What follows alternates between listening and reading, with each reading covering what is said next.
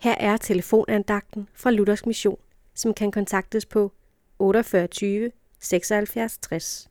Andagtholderen i dag er Erik Trans.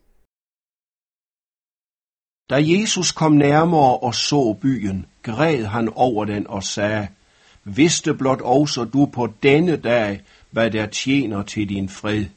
Det står i Lukas evangeliet kapitel 19, vers 41 og 42.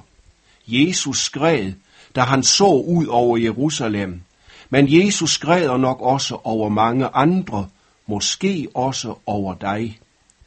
Når han græd over Jerusalem, var det fordi han så det, som ellers var skjult for alles øjne. Så at de heller ikke denne gang, når han kom til byen, ville vende sig til og tage imod ham som deres frelser. I ville ikke, siger han et andet sted, og så græder han.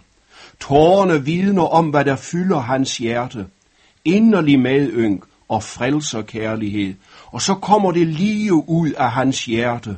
Vidste blot også du på denne dag, hvad der tjener til din fred. Her er der tale om, hvordan et menneske får fred med Gud, hvordan et menneske får et ret forhold til Gud. Det sker ikke ved, at et menneske gør noget, altså ikke ved det et menneske selv kan præstere, sådan som Jerusalem og de fleste tror. Nej, det sker ved troen på Jesus, retfærdigheden fra Gud, og den eneste retfærdighed, der gælder for Gud. Men Jesus gælder også helt og fuldt for den usleste synder, der tager sin tilflugt til ham. Amen.